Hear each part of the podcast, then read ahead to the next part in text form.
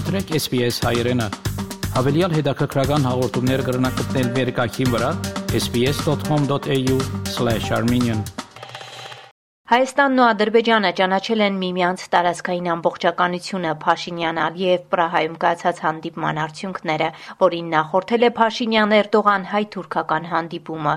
Արցախը Ադրբեջան չէ, հանրահավաք է կազմակերպել Ստեփանակերտում։ Այս եւ այլ իրադարձությունների մասին մանրամասն։ Հայաստանի վարչապետ Նիկոլ Փաշինյանի գլխավորությամբ տեղի ունեցել անվտանգության խորհրդի նիստ։ Նիստում քննարկվել են Հայաստանի արչև ծառացած մարտահրավերներն ու դրանց հաղթարման ուղղված հետագա քայլերը։ Ադրբեջանական կողմը հոկտեմբերի 4-ին Միացյալ Նահանգների միջնորդությամբ հայկական կողմին է վերադարձրել 17 հայ ռազմագերիների, հայտնում են Հայաստանի պաշտպանության նախարարությունից։ Հայաստանն ու Ադրբեջանը անցած շաբաթ հաստատեցին իրենց հանձնառությունը ճանաչել միմյանց տարածքային ամբողջականությունը։ Հայաստանի վարչապետ Փաշինյանը եւ Ադրբեջանի նախագահ Ալիևը Ֆրանսիայի նախագահ Մակրոնի եւ Եվրամիության խորհրդի նախագահ Միշելի հետ հոկտեմբերի 6-ին Պրահայում կայացած քարակողմ հանդիպման արդյունքում ընդունեցին հայտարարություն, որում մասնավորապես ասված է. Մեջբերեմ. Հայաստանն ու Ադրբեջանը հաստատում են իրենց հանձնառությունը ՄԱԿ-ի կանոնադրությանը եւ 1991 թվականի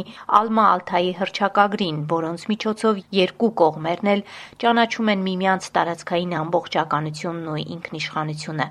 Նրանք հաստատեցին, որ դա հիմք կհանդիսանա սահմանազատման հարցերով հանձնաժողովների աշխատանքների համար եւ որ այդ հանձնաժողովների հաջորդ նիստը կկայանա Բրյուսելում մինչեւ հոկտեմբերի վերջ։ Նշվել է նաև, որ Հայաստանն իր համաձայնությունն է հայտնել խրախուսելու Եվրամիության քաղաքացիական առաքելությունը Ադրբեջանի հետ սահմանի երկայնքով, իսկ Ադրբեջանը համաձայնել է համագործակցել նշյալ առաքելության հետ այնքանով, որքանով որ առնչություն կունենա. Առաքելությունն իր աշխատանքները կսկսի հոկտեմբերին, առավելագույնը 2 ամիս ժամկետով։ Առաքելության նպատակը կլինի վստահության կառուցումը եւ իր զեկույցների միջոցով սահմանային հանձնաժողովներին աջակցելը փոխանցում է Հայաստանի կառավարությունը։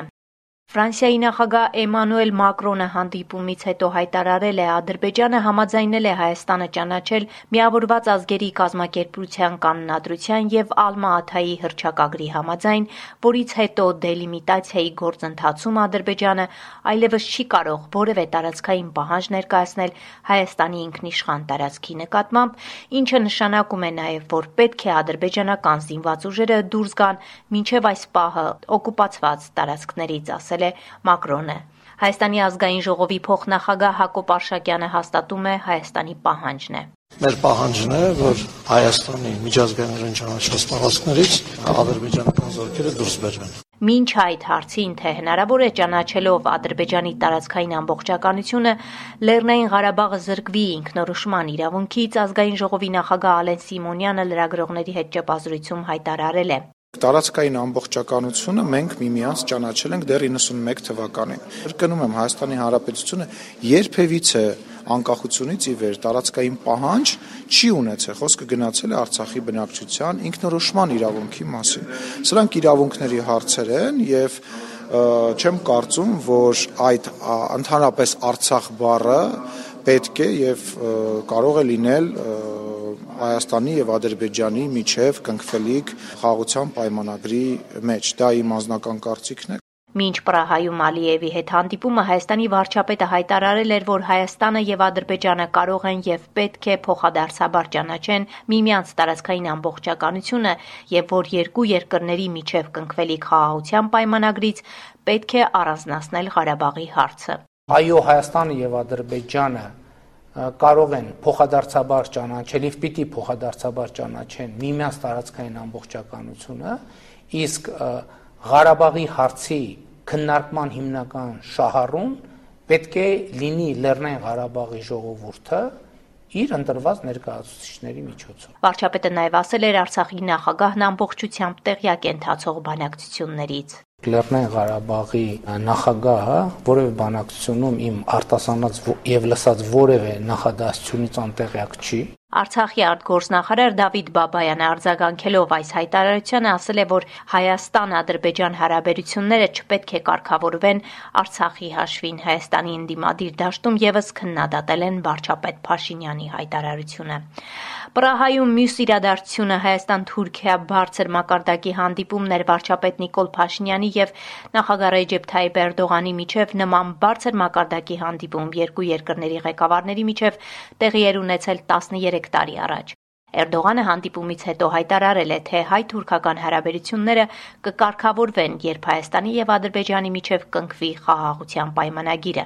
Նա նաեւ ասել է, որ մենք միայն ակնկալում ենք, որ Հայաստանի եւ Ադրբեջանի միջև հարաբերությունները կհասնեն հասունության աստիճանի եւ երբ երկու երկրների միջև խաղաղության պայմանագիր ստորագրվի, թուրքական կողմից որևէ խնդիր չի լինի, որպիսի բացի սահմանները։ Հայկական կողմի հայտարարության համաձայն էլ շեշտվել է երկու երկրների հատուկ ներկայացուցիչների քննարկումների արդյունքում ձեռք բերված պայմանավորվածությունների շուտապույտ իրականացման անհրաժեշտությունը։ Մասնարապես խոսքը վերաբերում է երրորդ երկրների քաղաքացիների համար ցամաքային սահմանի բացումը, Հայաստան-Թուրքիա ուղիղ օթային բեռնափոխադրումների իրականացումը։ Արցախ. Ինքնաբուխ հավաք է անցկացվել Ստեփանակերտում Արցախը Ադրբեջան չէ կարգախոսով։ Արցախը են ժողովուրդով։ Մուք համաձայն չուք թոք է մեր տապրին, խապում են։ Երկրի ղեկավարը թոքյաստե մեր հարցերին պատասխանը։ Պրահայից Ալիևի սպառնալիքներին թե Արցախի հայերն Ադրբեջանի քաղաքացիներ են, իսկ ովքեր համաձայն չեն կարող են գնալ որտեղ ուզում են, ի պատասխան Ստեփանակերտում ասում են, որ Արցախից հստակ է արձագանքը, որևէ մեկը Արցախը չի ճանաչել Ադրբեջանի կազմում, բացի Ադրբեջանից եւ Թուրքիայից։ Արտգործնախարար Դավիթ Բաբայանին լսենք։ Ադրբեջանի տարածքային ամբողջականությունը որևէ ձևով Արցախի հետ կապ չունի։ Մենք ունենք մեկ կարմիր գիծ, որ Արցախը չլինելու Ադրբեջանի կազմ այն որ խոսում է Ստեփանակերտ Բաքու երկխոսության մասին, ուղղակիորեն եւ անուղղակիորեն ընդգծվում է Արցախի սուբյեկտայնությունը, որ գոյություն ունի այսպիսի սուբյեկտ։ Սա շատ լավ է ինքնին, բայց կա նաեւ մի շարք այլ հարցեր, որոնք պետք է ճշգրտում ստանան։ Ստեփանակերտը երբեք չի խուսափել Բաքվի հետ երկխոսությունից, ասում է նա։ Բայց մենք կարևորել ենք հետևյալը. պետք է առաջին հերթին վերականգնվի բանակցային գործընթացի լիարժեք ձևաչափ։ Իսկ այդ ձևաչափը ընդունվել է ԵՀԿ-ի կողմից 1994 թվականի Լիսաբոնյան հիմնադիր գագաթնաժողովի ժամանակ Սփյուռք Իսպանիայի կոնգրեսը հոկտեմբերի 6-ի լիագումար նիստում ընդունել է հայ ժողովրդին զորակցության հայտարարություն։ Հաշվի առնելով սեպտեմբերի 12-ի լույս 13-ի գիշերը Ադրբեջանի զինված ուժերի ստորաբաժանումների կողմից Հայաստանի Գորիս, Սոտք եւ Ջերմուկ բնակավայրերի հայկական դիրքերի ուղղությամբ հրետանու եւ անօթաչու թռչող սարքերի կիրառմամբ իրականացված ագրեսիան, որը հանգեցրել է առնվազն 207 հայ զինծառայողների մահվան, հայտարարությունում նաեւ կոչ արվել Եվրամիությանը կրկնապատկել ջանքերը նպաստելու դիվանագիտական միջոցներով դեէսկալացիայի եւ խաղաղության պահպանմանը։ Վրաստանի մշակույթի նախարարության տարածքում հայտնաբերվել է Թիֆլիսի վանքի մայր տաճար կոչվող հայկական եկեղեցու տարածքի ազգային պանթեոնի եւս մի քանի երևելի հայերի տապանակարեր ու դամբարաններ։ Վրաստանի մշակույթի նախարարը հանդիպել է հայ համայնքի ներկայացուցիչներին, պատրաստակամություն հայտնելով գտածոն վերադարձնել հայ համայնքին։ Նախարարության հնագետներն աշխատում են տեղում, ակնկալվում է, որ տարածքում դեռ շատ հայկական մասունքներ կգտնվեն։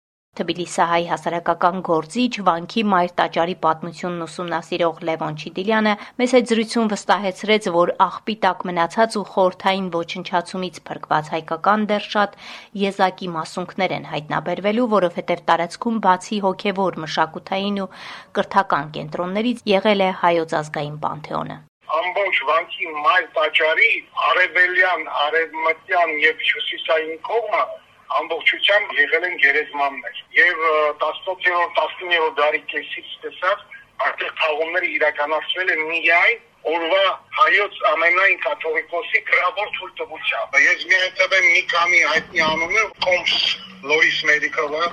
Ալեքսանդր Մանթաշյանցի իր կնոջ հետ տաղված եղել։ Ինը գեներալներ են թաղված են եղել մեր թեմի առաջնորդները այդտեղ եւ այլն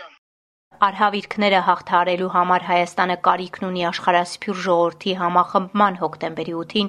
ամենայն հայոց կաթողիկոս Գարեգին II-ն է հայտարարել ներկա գտնվելով հայկական բարեգործական ընդհանուր միության 92-րդ համագումարի պաշտոնական մասի բացման արարողությանը։ Հայ ժողովուրդը կանգնած է նոր կորուստների վտանգների առջև բաղձալի խաղաղության հաստատման շուրջ